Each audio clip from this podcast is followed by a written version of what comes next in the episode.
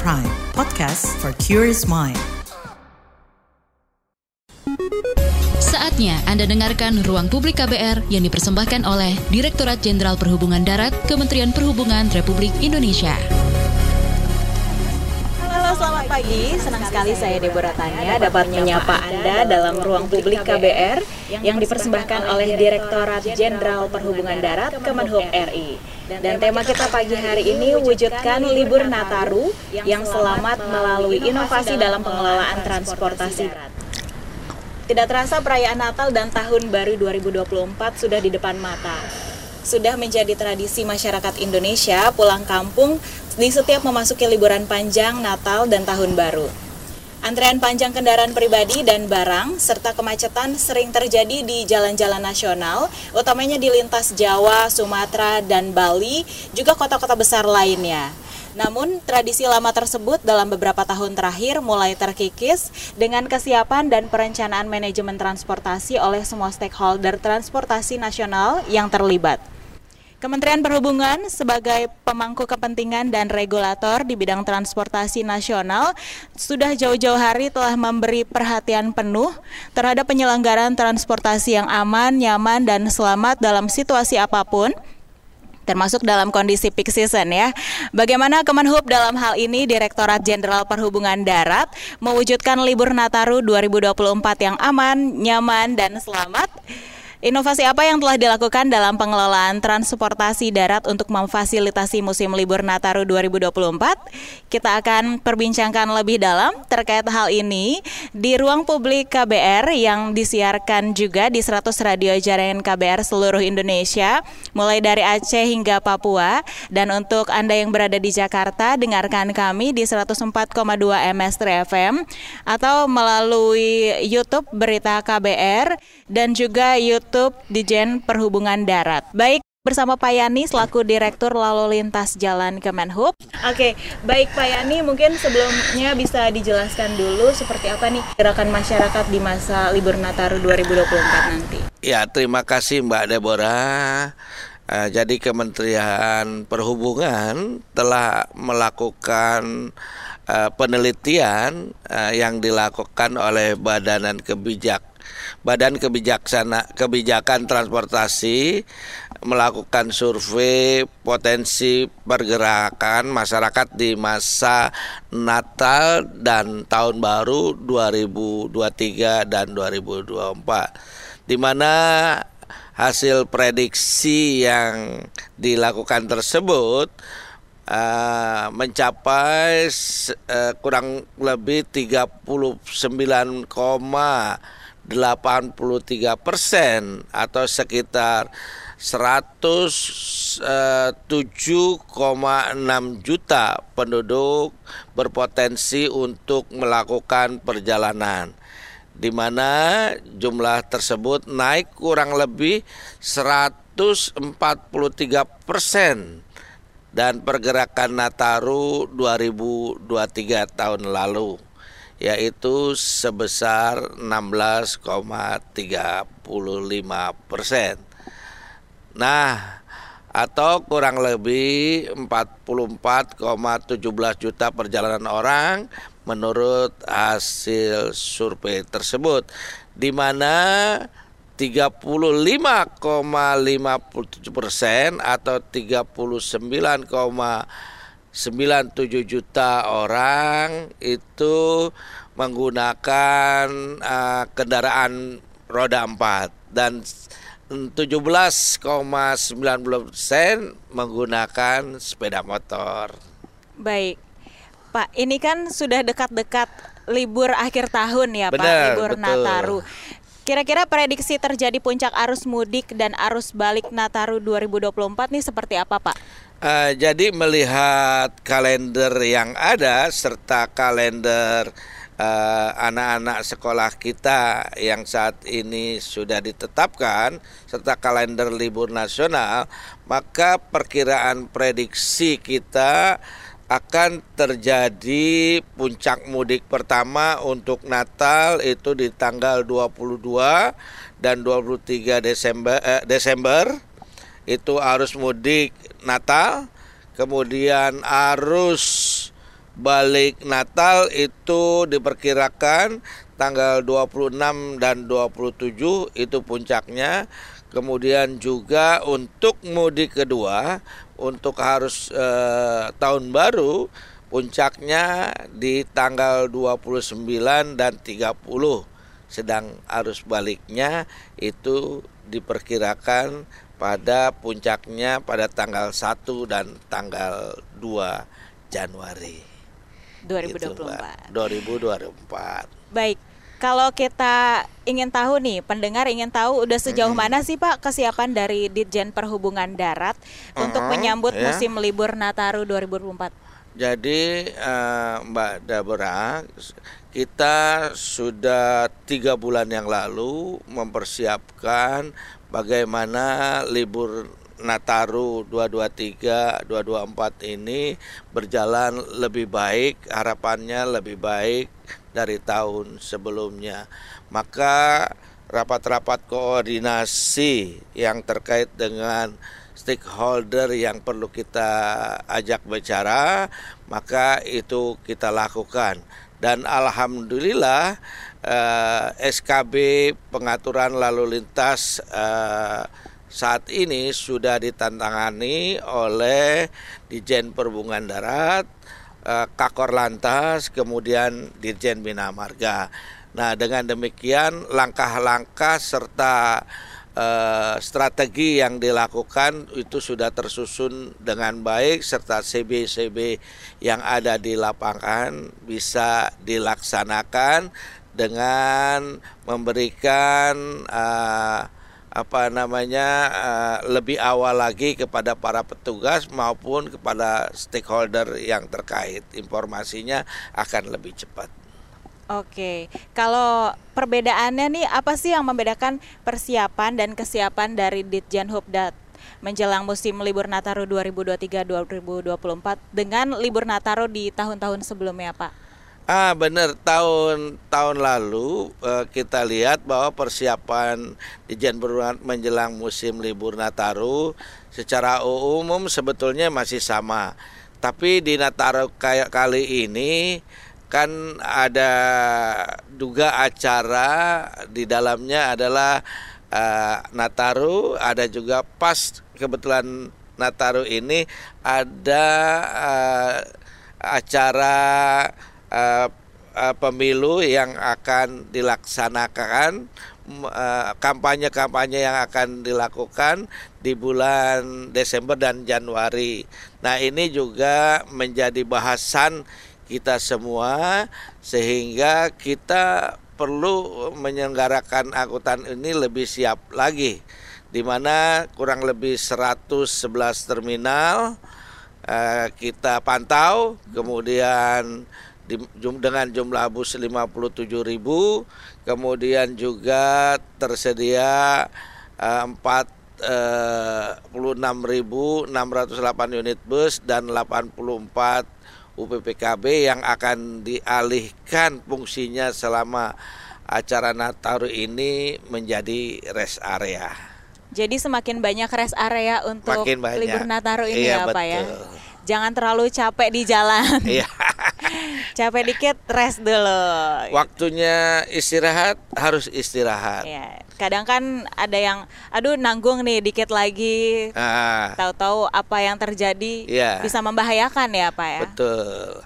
Baik, sejauh ini gimana koordinasi antara pihak-pihak terkait dilakukan termasuk antar kementerian atau lembaga operator transportasi juga pihak swasta untuk mengoptimalkan nih pengelolaan transportasi selama libur Nataru. Ya Kementerian Perhubungan berkoordinasi dan bersinergi dengan kementerian dan lembaga dalam penyelenggaraan angkutan tahun baru ini demi menciptakan Nataru yang selamat, aman, tertib dan lancar juga sehat. Nah, salah satu bentuk hasil or- koordinasi yaitu dengan terbitnya surat keputusan bersama tadi di mana Direktorat Jenderal Perhubungan Darat, eh, Kakor Lantas, kemudian Direktur Jenderal Bina Marga uh, menyiapkan pengaturan lalu lintas serta yang paling penting biasanya di Nataru nanti adalah di penyeberangan. Nah ini kita sepakat langkah-langkahnya yang harus dilakukan di dalam SKB tersebut. Baik, untuk rest area yang semakin banyak itu gimana dengan fasilitasnya Pak? Nah kita berharap semua kebutuhan masyarakat dalam melakukan perjalanan ini khususnya di rest area, toiletnya, kemudian uh, pom bensinnya di mana semua harus sudah dipersiapkan dan kemarin rakor di kepolisian semua sudah menyatakan siap termasuk Pertamina untuk memasok bahan bakar yang dibutuhkan selama Nataru nanti. Baik, untuk pengaturannya sendiri gimana Pak? Antisipasi jikalau uh, ini membeludak untuk yang mudik Nataru ini mereka harus menumpuk di rest area begitu mungkin ada antisipasinya? Ya diatur, kita punya kesepakatan, punya CB di teman-teman kepolisian. Kita sudah sepakati bersama kalau terjadi penumpukan di eh, penyeberangan maka akan dilakukan yang namanya uh, de, uh, delaying system atau menunggu di rest area dalam waktu yang sudah ditentukan. Nah, penentuan kapan dilakukan delaying system ini tergantung informasi yang didapat di, dikirimkan dari uh, pelabuhan sehingga koneksivitas informasi ini yang paling penting serta kolaborasi uh, antara kepolisian, BPTD, Kemenhub, kemudian pengelola jalan tol itu menjadi penting sekali. Nah, nanti kalau di mana di arah Merak maka rest area 43 dan 68 menjadi bagian sistem delaying system yang akan dipergunakan itu, Mbak. Oke. Jadi memang harus bersinergi antar lembaga maupun kementerian lainnya ya, ya Pak dengan Polri juga iya, ya. betul. Jadi bukannya ini diselenggarakan oleh perhubungan tapi oleh kita. Ya. Di situ ada Korlantas, di situ ada pengelola jalan tol, di situ ada penyeberangan SDP, di situ juga ada teman-teman Bina Marga. Oke. Gitu, Mbak. Baik, memang itu yang harus kita lakukan. Semangat gotong royong ya, Pak. Betul. Sebagai bangsa Indonesia. Baik, Pak Yadi kita akan jeda terlebih dahulu. Oke. Kita akan berbincang kembali tentang wujudkan libur Nataru yang selamat melalui inovasi dalam pengelolaan transportasi darat. Tetap di ruang publik KBR bersama saya Deborah Tania. Masih Anda dengarkan Ruang Publik KBR dipersembahkan oleh Direktorat Jenderal Perhubungan Darat Kementerian Perhubungan Republik Indonesia.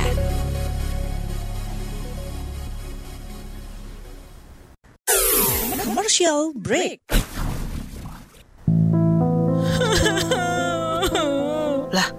Ini anak kenapa? Gue diputusin Reyhan. Aduh, yang sabar ya, Andi. Saran gue, biar nggak terlalu kecewa, kalau jatuh cinta, jangan terlalu mendalam deh. Biar Saga aja yang mendalam. Ih, apaan sih lo? Kok jadi bawa-bawa Saga? Siapa sih Saga? Kepo, makanya kenalan. Saga, cerita tentang nama, peristiwa, dan fakta. Saya siap untuk membuat perubahan. Pasti ujungnya mati. Anggap yang lain. Saga menghadirkan kisah-kisah inspiratif, cerita tentang nama, peristiwa, dan fakta. Hasil liputan mendalam yang dikemas menarik dengan kualitas jurnalistik terbaik. Dengarkan Saga di podcast KBR Prime dan di program Buletin Pagi setiap pukul 6 waktu Indonesia Barat di radio jaringan KBR di seluruh Indonesia. Masih Anda dengarkan Ruang Publik KBR dipersembahkan oleh Direktorat Jenderal Perhubungan Darat Kementerian Perhubungan Republik Indonesia. Anda masih menyimak ruang publik KBR yang dipersembahkan oleh Direktorat Jenderal Perhubungan Darat Kemenhub RI dengan tema Wujudkan Libur Nataru yang Selamat melalui Inovasi dan Pengelolaan Transportasi Darat. Baik, masih bersama Pak Yani selaku Direktur Lalu Lintas Jalan Kemenhub.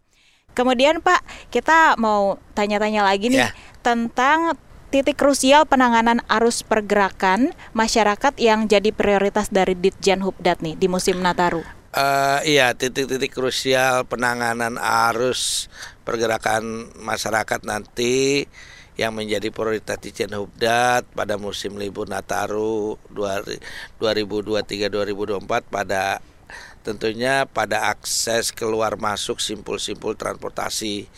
Nah, pasar tumpah, setelah lokasi yang banyak sekarang kalau Nataru biasanya lebih banyak lokasi-lokasi wisata.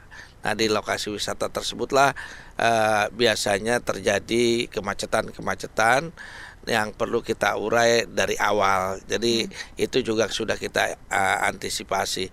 Juga beberapa titik eh, di ruas jalan tol, terutama di Nataru ini titik krusial lainnya seperti di kilometer 66 Cikampek, di mana di situ pertemuan antara eh, eh, dari Bandung kemudian ke Cipali ini juga menjadi bagian yang tidak terpisahkan. Empat gerbang tol seperti titik eh, pantauan dalam sektor angkutan jalan yaitu Cikupa, Ciawi, Cikampek Utama dan Kaliurip eh, yang biasanya ini eh, terjadi penumpukan Padat ya Pak ya? padat sekali karena eh, masyarakat ingin biasanya selain pulang kampung tapi lebih banyak pariwisata seperti hasil survei kita yang dilakukan oleh BKT. Jadi yang libur Nataru ini bukan cuma yang merayakan Natal tapi yang Iya. lain juga Yang ingin lain pulang juga kampung ingin sekalian pulang kampung gitu sekalian, kan. Liburnya gitu. panjang soalnya kan. Panjang. Kemudian kalau berbicara infrastruktur pendukung dan fasilitas, ini apa saja Pak yang disiapkan oleh Ditjen Hubdat di musim libur Nataru 2024? Utamanya di titik-titik Ya, krusial tadi. Jadi eh, eh, ada bera- eh, beberapa eh, yang sudah dilakukan oleh Direktur Jenderal Perhubungan Darat tentunya bekerja sama dengan juga dengan Bina Marga seluruh stakeholder eh, terkait lainnya. Yang pertama dinyatakan disiapkan bahwa terakhir tanggal 15 Desember semua kegiatan pembangunan jalan harus sudah diselesaikan atau yang belum selesai tetapi pekerjaannya ditunda. Nah, itu menjadi keputusan bersama. Selain itu, dalam menghadapi angkutan lebaran eh, Nataru ini perlu dilakukan persiapan terhadap sarana dan prasarana di mana di bidang angkutan jalan kurang lebih eh, 46.608 unit bus sudah dipersiapkan di mana ini juga ada angkutan perkotaannya antar kota antar provinsi eh, antar kota dalam provinsi kemudian kurang lebih ada 16.120 unit angkutan pariwisata. Nah, ini juga kita harus waspadai dan sudah kita lakukan ram cek untuk memastikan bahwa kendaraan-kendaraan tersebut sudah layak untuk eh, dijalankan. Nah, saya juga mengingatkan kepada eh, masyarakat jangan menggunakan eh, kendaraan bus pariwisata yang eh, tidak memiliki perizinan yang lengkap. Nah, biasanya mereka nyolong-nyolong terhadap misalnya eh, kelaikan kendaraannya. Nah, ini buat masyarakat sangat penting untuk mengetahui itu. Jangan karena murah ingin bepergian bertamasya gitu ya. Lebih baik cek dulu busnya apakah bus tersebut memiliki persyaratan yang sudah ditentukan oleh pemerintah, misalnya perizinannya lengkap, bahwa kendaraan ini layak la- la- kendaraan tersebut Layak layak, jalan. jalan. atau tidak. Nah, itu menjadi patokan yang bisa dijadikan oleh masyarakat untuk eh, menyewa kendaraan pariwisata. untuk ke keselamatan sendiri dan bersama ya. Keselamatan, ya. Tapi Pak, gimana cara bedainnya nih kalau misalnya kita pesan bis misalnya uh, secara online gitu. Sekarang kan banyak aplikasi untuk memesan transportasi secara online salah satunya bus. Itu memastikan kalau bus itu tuh ya udah udah layak gitu untuk kita pakai. Eh, pastikan meminta persyaratan administrasinya kendaraan tersebut nomor sekian eh, tanya sudah memiliki perizinan, eh, sudah dikir atau belum. Nah kalau itu eh, nggak ada semua, jangan dipakai. Jangan karena murah kita memakai. Karena kita Keselamatan itu pencari-pencari mahal. promo ya Pak ya, apalagi. Tapi Pak, kalau misalnya ngecek kir kayak gitu bisa online nggak sih? Misalnya kita mau naik satu bis nih, Ah. terus kita langsung masukin nomor bisnya, nanti di situ kelihatan oh ini sudah dikir, sudah lulus atau belum? Ah, itu bisa kalau di Jakarta sudah bisa. Di Jakarta kita lihat sudah sudah bisa ya? bisa. Ah, Di di aplikasi di DKI itu bisa sudah bisa kelihatan. Oke. Ada aplikasinya. Nah, itu khususnya buat eh, penduduk di Jakarta ya, masyarakat Jakarta bisa dicek sekali lagi. Kemudian langkah konkret apa nih Pak yang diambil untuk meningkatkan efisiensi juga keamanan transportasi darat selama musim libur Nataru? Ya berapa ya beberapa hal yang dilakukan adalah manajemen rekayasa lalu lintas di jalan tol, sosialisasi keselamatan, ah, koordinasi pengendalian pasar tumpah dan pemanfaatan 84 lokasi UPPKB atau jembatan timbang sebagai tempat istirahat. Ah, ini yang dilakukan secara konkret dalam penyelenggaraan ah, Nataru tahun ini. Nah, salah satunya untuk meningkatkan keselamatan keamanan pengguna angkutan umum di jalan darat eh, melalui BPTD dan Satuan Pelayanan Terminal melakukan ram cek eh, di setiap terminal yang tadi saya katakan bahwa seluruh eh, angkutan jalan yang beroperasi itu harus sudah di ram cek. Nah, dalam rangka memenuhi persyaratan teknis dan layak jalan dan dilengkapi dengan dokumen administrasi. Oke. Kalau untuk kendaraan pribadi nih seperti apa sih Pak aturannya? Selain dia harus lulus uji kir misalnya gitu. Kalau kendaraan pribadi nggak nggak nggak mesti lulus uji kir sampai saat ini kendaraan pribadi itu nggak dikir. Tapi yang paling penting sebelum melakukan perjalanan cek dulu. Cek Ban- pribadi ya. Ya cek pribadi ban, tekanan ban, kemudian uh, wipernya, kemudian lampunya. uh, te- terutama paling penting kalau kita melalui jalan tol tekanan ban. Tekan ban, tekanan ban harus benar-benar disesuaikan dengan standar yang sudah ditetapkan. Oke. Itu paling penting Mbak Deborah. Oke, baik. Eh, Pak Yani, kita sekarang ke YouTube Berita KBR dulu. Sudah Oke. ada pertanyaan dari pendengar kita. Oke. Ini ada dari Eva. Eva Chan ini bertanya untuk keamanan dan kenyamanan ketika di jalan waktu kita libur, apakah dijamin Pak? Dan apakah ada rekayasa lalu lintas juga? Kalau dijamin kita nggak bisa jamin 100%. Tapi manajemen rekayasa pasti kita lakukan untuk eh, mengurangi tingkat kemacetan misalnya. Langkah-langkah itu sesuai dengan SOP-nya misalnya kalau eh, eh, volume lalu lintas di jalan tol sudah di atas li, eh, 7000 begitu, maka yang harus dilakukan kontraflow. Kalau sudah di atas 800 eh, 8000 atau hampir 9 9000 lah, maka kepolisian akan melakukan penyiapan jalan satu arah, tol satu arah. Nah, itu eh, sudah kita kita bahas dan sudah kita menjadikan SOP kapan waktunya harus dilakukan manajemen lalu lintas misalnya kontraflow. Kapan harus dilakukan manajemen lalu lintas eh, satu arah di jalan tol? Tergantung dari berapa jumlah eh, volume lalu lintas yang lewat Volume saat kendaraan itu yang lewat ya, Pak, kendaraan. ya. Nah sebelum itu maka kita siapkan. Jadi nggak seperti dulu. Wah kira-kira kira-kira nggak. Ah, oke. Nah, sekarang sudah ada ada Data yang pasti. Ada data yang pasti. Kalau kendaraannya sekian, maka SOP-nya adalah begini gitu loh, Mbak. Itu Oke, dilakukan. itulah Begitu juga di eh, mana di pelabuhan ada eh, kondisi normal, ada kondisi padat, ada kondisi sangat padat. Kalau kondisi normal biasa-biasa saja, kondisi eh, padat, Padat. itu akan ditambah ke eh, kapal yang dengan eh, kapasitas yang jauh lebih besar. Kalau makin padat-padat lagi, maka akan ditambah lagi kapal yang lebih besar serta pengaturan eh, apa bongkar muatnya di, di dibedakan. Misalnya kalau dari Bakahuni uh, habis nurunin penumpang dan kendaraan langsung berangkat nggak nunggu lagi ngangkut penumpang gitu jadi strategi-strategi itu dilakukan untuk untuk apa namanya memperlancar uh, arus lalu lintas baik di pelabuhan maupun di jalan gitu, Baik. Mbak. Pak, ini sudah ada beberapa pertanyaan yang masuk lewat YouTube Berita KBR maupun YouTube Ditjen Hubdat ya. Oke. Eh, saya ke Mbak Dian dulu. Ini ada pertanyaan, apakah di libur Nataru nanti ada pembatasan angkutan barang dan jika ada kapan dimulai, Pak? Ya, saya ingin sampaikan pembatasan barang itu dimulai nanti di mana ya adanya tadi ya saya sudah catat itu. Ya, terutama di di diprediksi pada saat saat jam puncak. Ah, jam Oke. ah, jam puncak itu dibatasi bentar, sebentar. Ada ini. Ini semua sudah ada datanya Ada ya. datanya, jadi eh, saya juga ingin menyampaikan bahwa ini penting sehingga nanti masyarakat tahu eh, tahu eh, mana dia Oke. nih.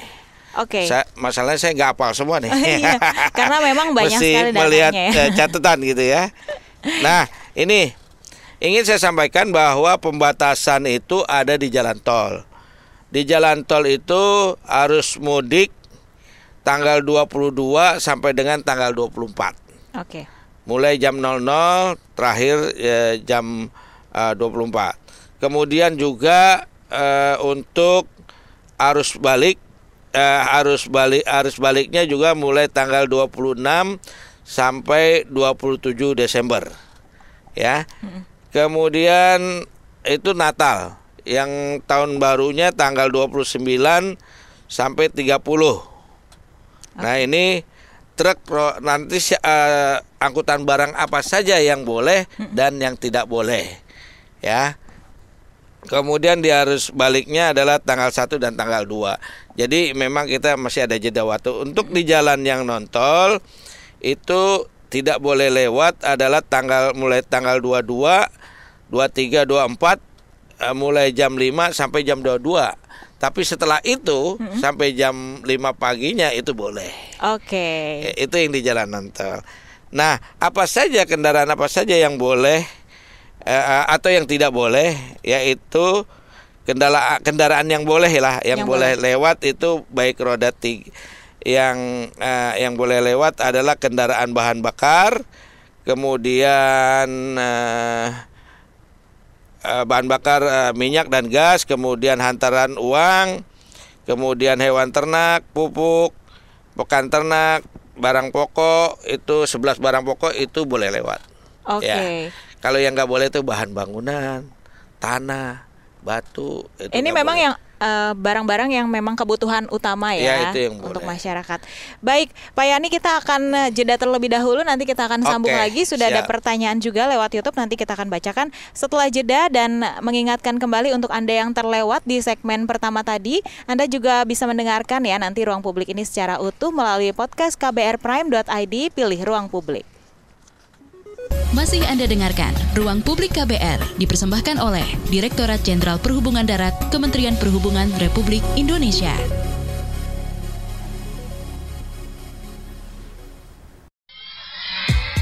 Yuk follow social media KBR. Twitter at Berita KBR, Instagram at KBR.id, Youtube Berita KBR.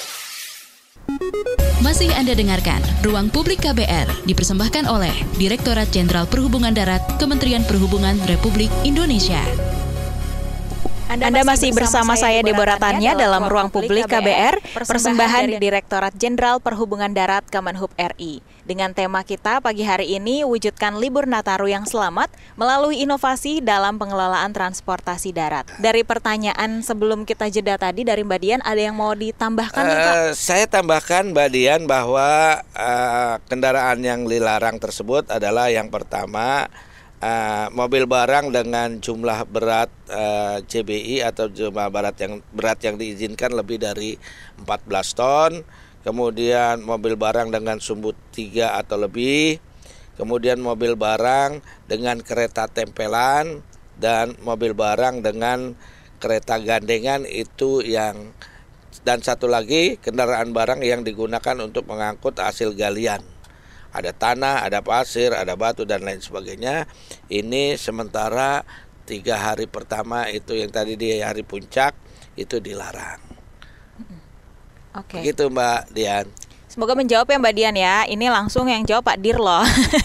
Sekarang kita ke pertanyaan selanjutnya Pak. Oke. Ada Mbak Dovana Hasiana dari Bloomberg Teknos mau bertanya soal bus pariwisata. Apakah sebelumnya ada temuan bus pariwisata yang tidak punya izin tapi beroperasi nih Pak? Oh iya, Eh, kita mensinyalir banyak sekali, Eh, kurang lebih eh, ini saya kebetulan punya data ya, punya data dari Direktorat Angkutan, Baik. Eh, terutama angkutan pariwisata ini masih kita temui cukup besar. Nah, oleh sebab itu eh, masih di atas eh, 20% yang tidak memiliki izin. Ya, tidak artinya eh, tidak memiliki ad- administrasi yang benar gitu ya. Sebanyak kurang lebih tiga eh, 20 di atas 20% lah, di atas 20%. Ini eh, mengkhawatirkan kita kalau ini masih tetap berjalan maka eh, dampaknya adalah terhadap safety. Otomatis eh, Bapak Ibu sekalian kalau administrasinya saja tidak diikuti, maka biasanya begitu juga dengan kelaikan jalannya. Nah, ini eh, kita melakukan hal yang sangat tegas nanti. Eh, saat ini juga dilakukan apa namanya eh, eh, apa pengawasan, Pengawasan. terhadap mereka untuk tidak boleh beroperasi di pada saat saat nanti hari libur karena ini membahayakan masyarakat. Ini terus kita lakukan pengawasan kita. Kemarin sudah di Aceh, di, eh, di kemudian di Batam, di di Sumatera Barat, ini terus kita lakukan. Nah, kalau ditemukan, kalau ada siapa pun yang menemukan dan dilaporkan ke kami ke Direktorat Jenderal Perhubungan Darat, akan kami langsung tindak lanjuti. Bentuk Begitu, tindak Mbak lanjutnya seperti apa mungkin Pak? Biasanya kita panggil mereka, kemudian mereka kita minta untuk tidak melakukan operasi. Oke, Begitu. langsung. Karena membahayakan Izinnya masyarakat. diputus seperti itu? Eh, Atau tidak boleh apa? operasi karena nggak punya izin. Oke. Kan mereka Oh, punya izin. karena mereka ya izin aja belum punya Iya, gimana mau mutus ya istilah gitu, ya. gitu. Oke, baik Pak kalau kita sekarang berbicara tentang transportasi penyeberangan nih Mm-mm, Pak. Kan juga dinaungin sama Bapak ya. Betul. Kalau eh, prosedur persiapan keamanan yang sudah diterapkan di sektor transportasi penyeberangan nih bagaimana Pak? Nah ini Dijen Perhubungan Darat telah melakukan rapat koordinasi dengan uh, semua stakeholder yang ada di pelabuhan melalui uh, BPTD yang ada di UPT kami yang ada di daerah di mana dengan membahas langkah-langkah antisipasi apa yang harus dilakukan apabila uh, nanti di saat tahun baru Nataru ini uh, kondisinya kan yang pertama kondisi yang paling itu kemacetan dan cuaca. Nah biasanya dua hal tersebut yang uh, bermasalah ya. Kalau kalau langkah-langkah utamanya pasti semua kapal kita sudah ramcek untuk men- menjamin bahwa kalau di Merak itu Merak Bakahuni kurang lebih uh, akhirnya diputuskan kurang lebih uh, dari 66 kapal yang ada 63 kapal yang dinyatakan siap untuk beroperasi. Oke, tiga lagi belum nih Pak? Tiga lagi. lagi proses. lagi.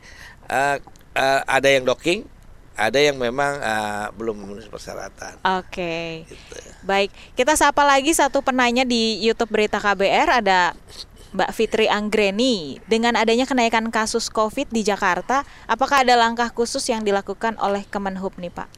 Ya, eh, dengan adanya peningkatan tersebut, saya kira eh, kita semua eh, selama ini dalam masa COVID kita sudah paham apa yang harus kita lakukan.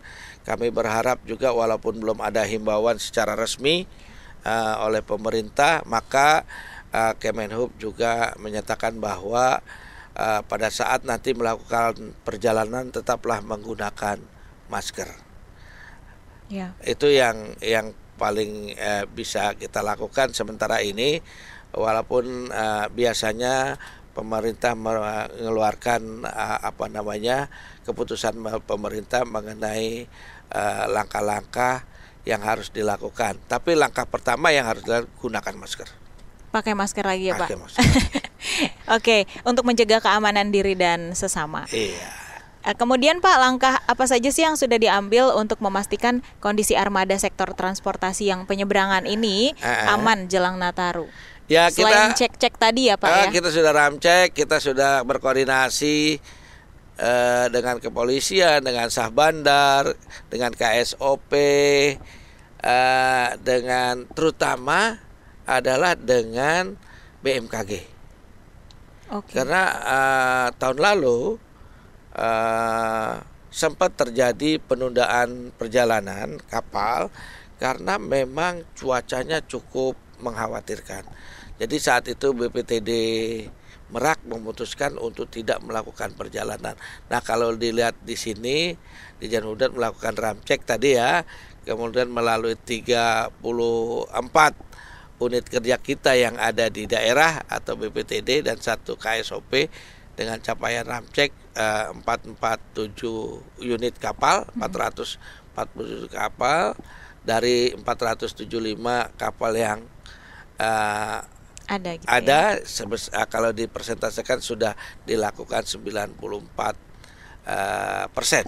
Nah kapal-kapal yang belum dilaksanakan ramcek saat ini sedang docking yang tadi saya sampaikan. Oke, yang tadi sudah Gitu, disampaikan iya, ya. Ah, Pak, ada lagi pertanyaan nih menggelitik nih Pak dari Baginda dari YouTube kita. Ada diskon tarif tol nggak Pak di libur Nataru nih? Pejuang-pejuang diskon Pak. Terima kasih nih Pak Baginda. Sementara saya belum eh, mendengar ya adanya diskon yang akan diberikan oleh jalan tol. Eh, kemungkinan eh, saya nggak bisa bisa menjawab kalau yang ini nih. Eh, kalau sementara sih belum ada eh, eh, indikasi bahwa akan diberikan apa namanya diskon untuk tarif jalan tol. Itu aja yang saya tahu. Oke, mungkin ada ut gitu ya di sensor.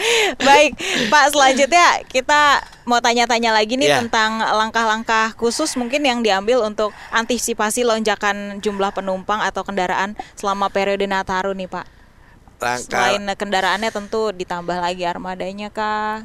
Ya eh, pasti eh, mekanismenya sudah diatur semua. Tadi saya sampaikan kalau kondisinya padat meningkat dari kondisi normal akan ditambah sekian kapal. Ya, kemudian dengan ditambahnya sekian kapal maka eh, frekuensinya menjadi naik. Ya, kalau naik maka jumlah penumpang yang bisa diangkut juga makin besar. Nah itu yang dilakukan. Nah ini eh, dilakukan baik di Banyuwangi ya atau di Ketapang maupun di Merak Bakahuni. Nah tapi memang nanti biasanya yang paling kru- kru- krusial adalah di dua tempat itu. Nah dibanding Merak Bakahuni biasanya Ketapang karena orang mau ke Bali, mau liburan. Liburan ya, Pak. Benar-benar mau lihat-lihat pantai. Melihat pantai. Nah, biasanya eh, kemarin seperti Lebaran Haji kemarin itu kan terjadi juga penumpukan di di Ketapang. Tetapi kita saat ini sudah melakukan eh, koordinasi, melakukan kolaborasi untuk mencegah terjadinya penumpukan itu eh, melalui rapat-rapat teknis dan eh, langkah-langkah yang dilakukan dengan menyiapkan buffer zone buffer zone yang dibutuhkan di sana serta mengurainya dengan menambah satu pelabuhan di Jangkar untuk mengurangi kepadatan yang ada di Ketapang. Baik. Gitu, Pak, ngomong-ngomong tadi kan Bapak juga sudah menyinggung tentang eh, ancaman cuaca ekstrim nih kita yang kita tidak Iya. bisa ketahui ya. Tolong bisa dielaborasi lagi ke persiapannya nih Pak. Bagaimana sih menghadapi situasi darurat nih atau cuaca ekstrimnya, khususnya di transportasi penyeberangan. Jadi kalau cuaca cuacanya memang tidak mungkin untuk dilakukan perjalanan maka lebih baik eh, apa namanya eh, apa namanya lebih baik tidak berangkat daripada tidak pernah sampai. Waduh, lebih baik tidak berangkat daripada tidak pernah sampai ya. Kirain aku Bapak mau ngomong lebih baik lambat asal selamat gitu.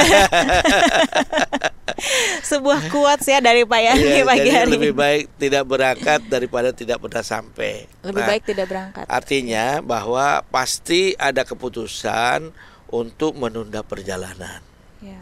Oleh eh, teman-teman di eh, penyeberangan di eh, BPTD. Nah ini tugasnya BPTD memang memastikan setelah mendapatkan informasi dari BMKG bahwa misalnya sekian menit lagi akan terjadi cuaca buruk yang sangat ekstrim, maka eh, itu dilakukan oleh Sabandar yaitu yang ada di BPTD untuk eh, apa namanya menghentikan sementara perjalanan kapal. Lebih baik tidak berangkat daripada Tidak pernah sampai. tidak pernah sampai. Baik Pak Yani kita harus jeda lagi nih Pak. Oke, Mbak. Nanti kita akan sambung lagi perbincangan kita dengan Pak Yani tetap di ruang publik KBR. Masih Anda dengarkan Ruang Publik KBR dipersembahkan oleh Direktorat Jenderal Perhubungan Darat Kementerian Perhubungan Republik Indonesia.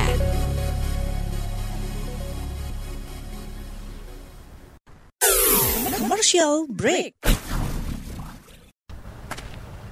Permisi mas, Iya mbak, numpang nanya, mau nanya apa? tahu KBR pagi nggak? Udah pasti tahu dong, karena aku sekeluarga udah lama langganan KBR Pagi. Banyak informasi, mulai dari berita sosial, budaya, politik, hukum, berita nasional maupun daerah, berita terkini sampai berita viral. Semua ada di KBR Pagi. Pokoknya kurang lengkap aja rasanya kalau sehari nggak dengerin KBR Pagi di kbrprime.id. Cari aja KBR Pagi. Loh, kok mas hafal banget? Jangan-jangan mas hostnya ya? Hayo ngaku, kamu Don Brady kan? Eh, eh, eh, eh, eh, kabur. KBR Prime, podcast for curious mind. Masih Anda dengarkan Ruang Publik KBR dipersembahkan oleh Direktorat Jenderal Perhubungan Darat Kementerian Perhubungan Republik Indonesia. Tak terasa kita sudah berada di bagian akhir ruang publik KBR bersama saya Deborah Tanya dan masih dipersembahkan oleh Direktorat Jenderal Perhubungan Darat Kemenhub RI dengan tema pagi hari ini wujudkan libur Nataru yang selamat melalui inovasi dalam pengelolaan transportasi darat. Baik, sudah segmen terakhir padahal masih banyak yang ingin Waduh, lagi diperbincangkan ya Pak. Bisa loh Pak nanti. Oke. Baik, eh, mungkin kita mau tahu nih Pak untuk program khusus atau insentif guna mendorong penggunaan transportasi umum dan berbagi kendaraan selama libur Nataru nih misalnya program Eh, mudik iya. gratis misalnya. Kita kem ah, kemarin juga sudah mempersiapkan program eh, langkah eh, mudik gratis ya eh, bersama-sama dengan beberapa perusahaan dan kita mengajak masyarakat untuk khususnya sebetulnya mengura- ma- mengurangi masyarakat menggunakan sepeda motor untuk pulang kampung Hmm, mm-mm. karena penggunaan sepeda motor itu sangat-sangat membahayakan untuk jarak jauh.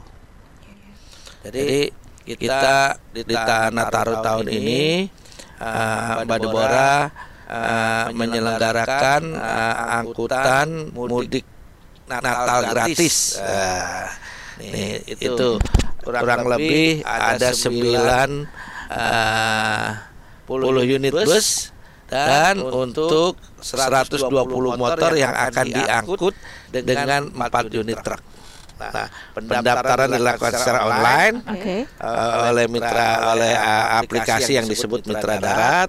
Itu kota tujuannya adalah Jakarta Solo, Jakarta Jogja, Jakarta Solo itu 28 unit uh, bus, Jakarta Jogja itu 23 unit, Jakarta Surabaya, Jakarta Wonosobo, Wonogiri, Cilacap, Purwokerto, Malang, termasuk teman-teman kita yang disabilitas ada satu bus. Oh, oke.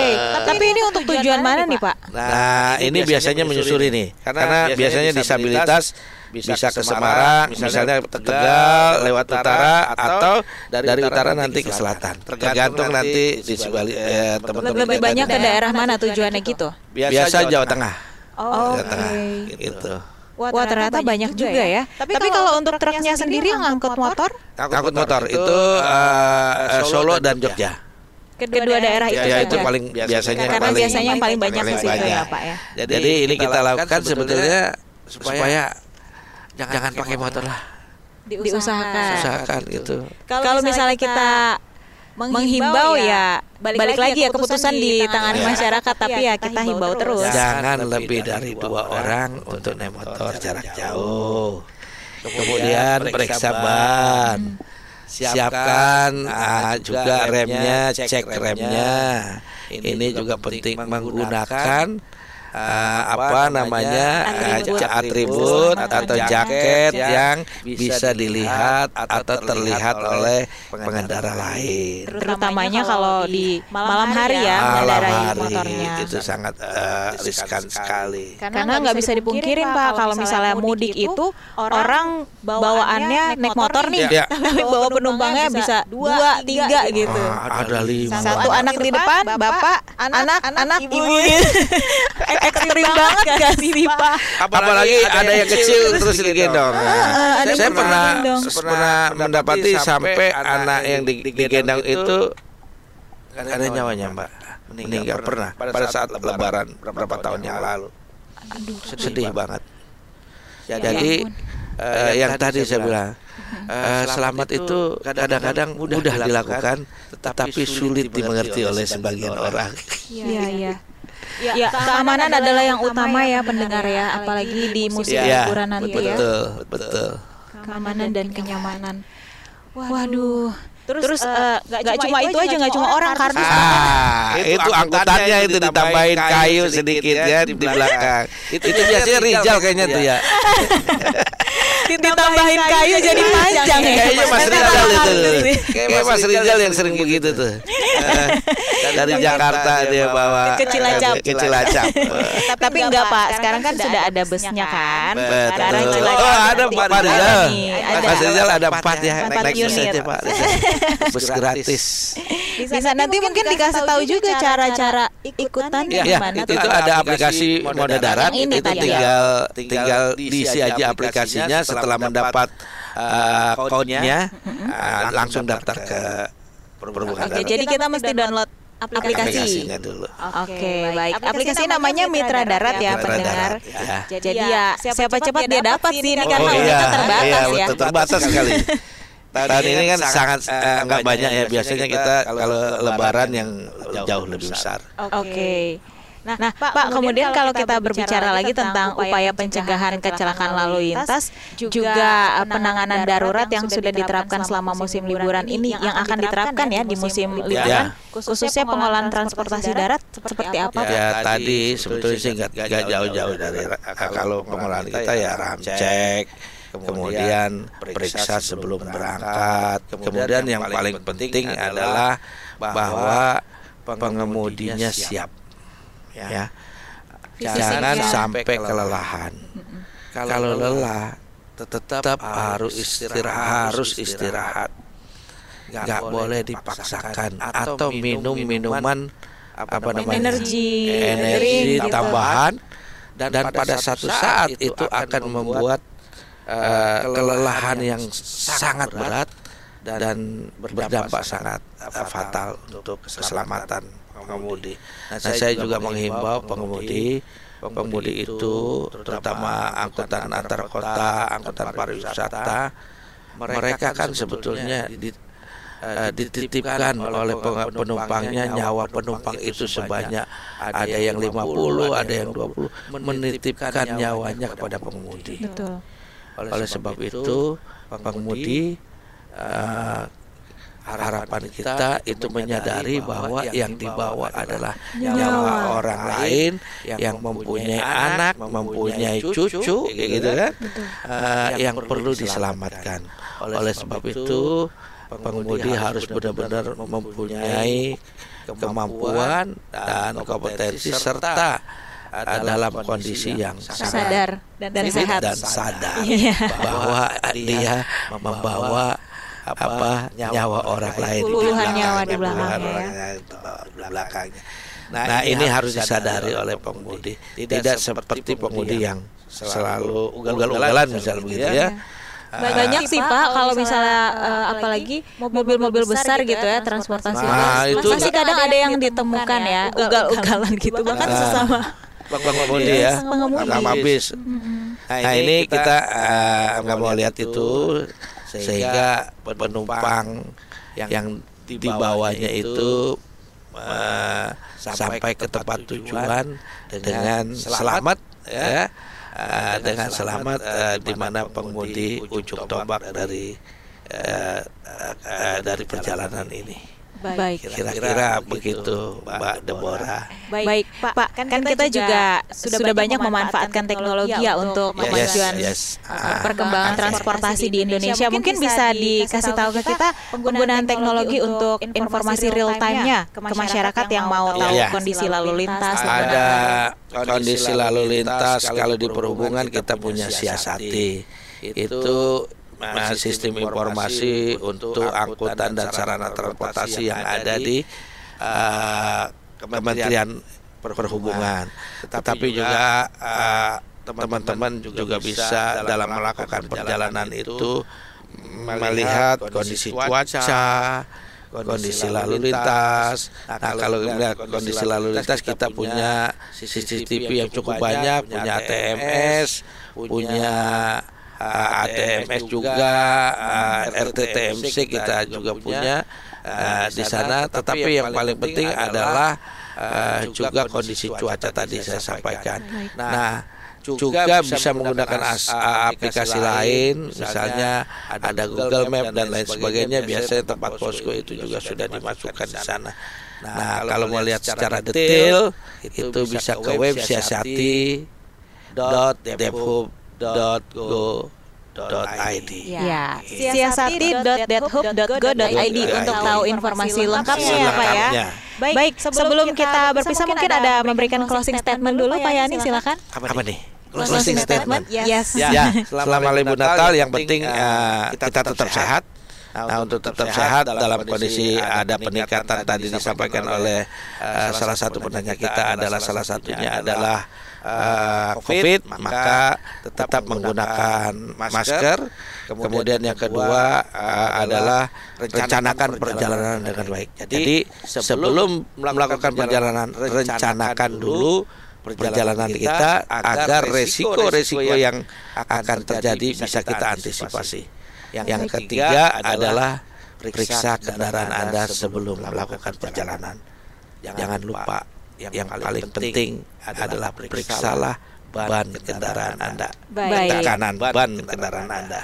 Baik. Serta kesehatan kita. Kesehatan juga ya. Tubuh sehat, kendaraan aman, selamat sampai tujuan.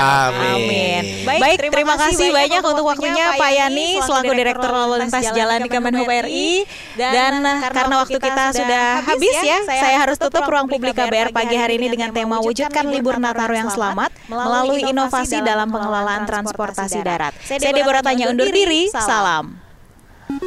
Baru saja Anda dengarkan Ruang Publik KBR dipersembahkan oleh Direktorat Jenderal Perhubungan Darat Kementerian Perhubungan Republik Indonesia.